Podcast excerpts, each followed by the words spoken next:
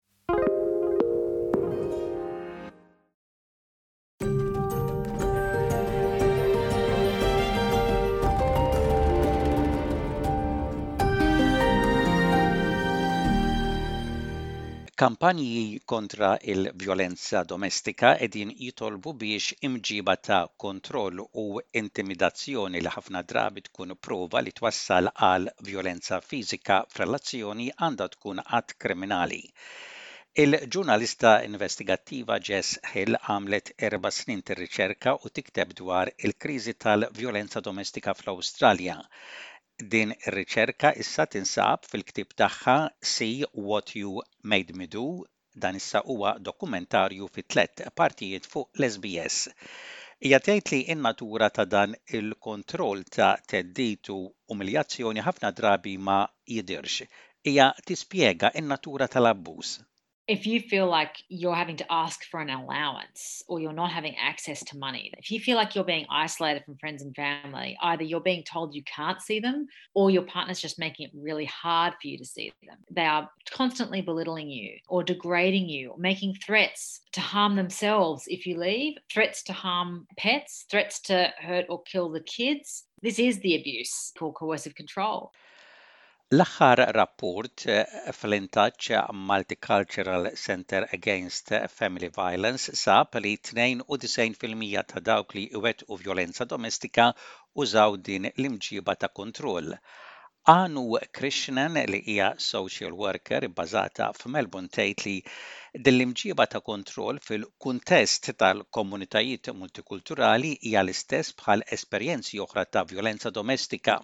Imma nisa minn sfond multikulturali u lingwistiku divers ħafna drabi ma jagħrfux li l-esperjenza tagħhom hija abbuż minħabba l-kundizzjonijiet kulturali tagħhom.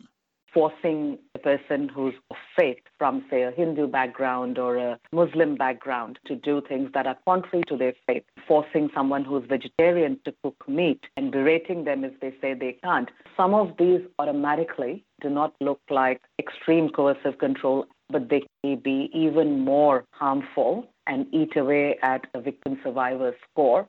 Fl-Awstralja, mara kull ġimgħa tinqatel b'riżultat tal-vjolenza domestika mis-sieħeb tagħha jew dak li kien is-sieħeb tagħha. Dawk li jaħdmu favur dawn in-nisa u organizzazzjonijiet ta' sapport qegħdin jitolbu biex imġiba bħal din tkun att kriminali li ħafna drabi esperti identifikaw bħala indikazzjoni ewlenija ta' vjolenza fiżika u qtil. Il-ġurnalista u awtur Jess Hill temmen li hija kwistjoni ta' żmien qabel imġieba bħal din tkun kriminalizzata f'ġurisdizzjonijiet oħra fl-Awstralja bħalmi fi Queensland. We've got Queensland who have already basically committed to criminalising coercive control, New South Wales is just is in the middle of an inquiry into criminalising, pretty much every state and territory is at some point of considering whether or not to criminalise. It's just about making sure that in that process, everybody is represented. Migrants, children are represented, First Nations women are represented. Is-serje fuq l-SBS TV See What You Made Me Do mill-5 sa 19 ta' Mejju qiegħda on demand.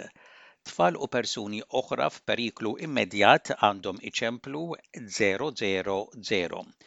Jekk inti jew xi ħadd għandek bżonn għajnuna, ċempel wieħed 800 Respect jew iċċekkja wieħed 800 Respect dot org dot au. Kids Helpline f'wieħed 800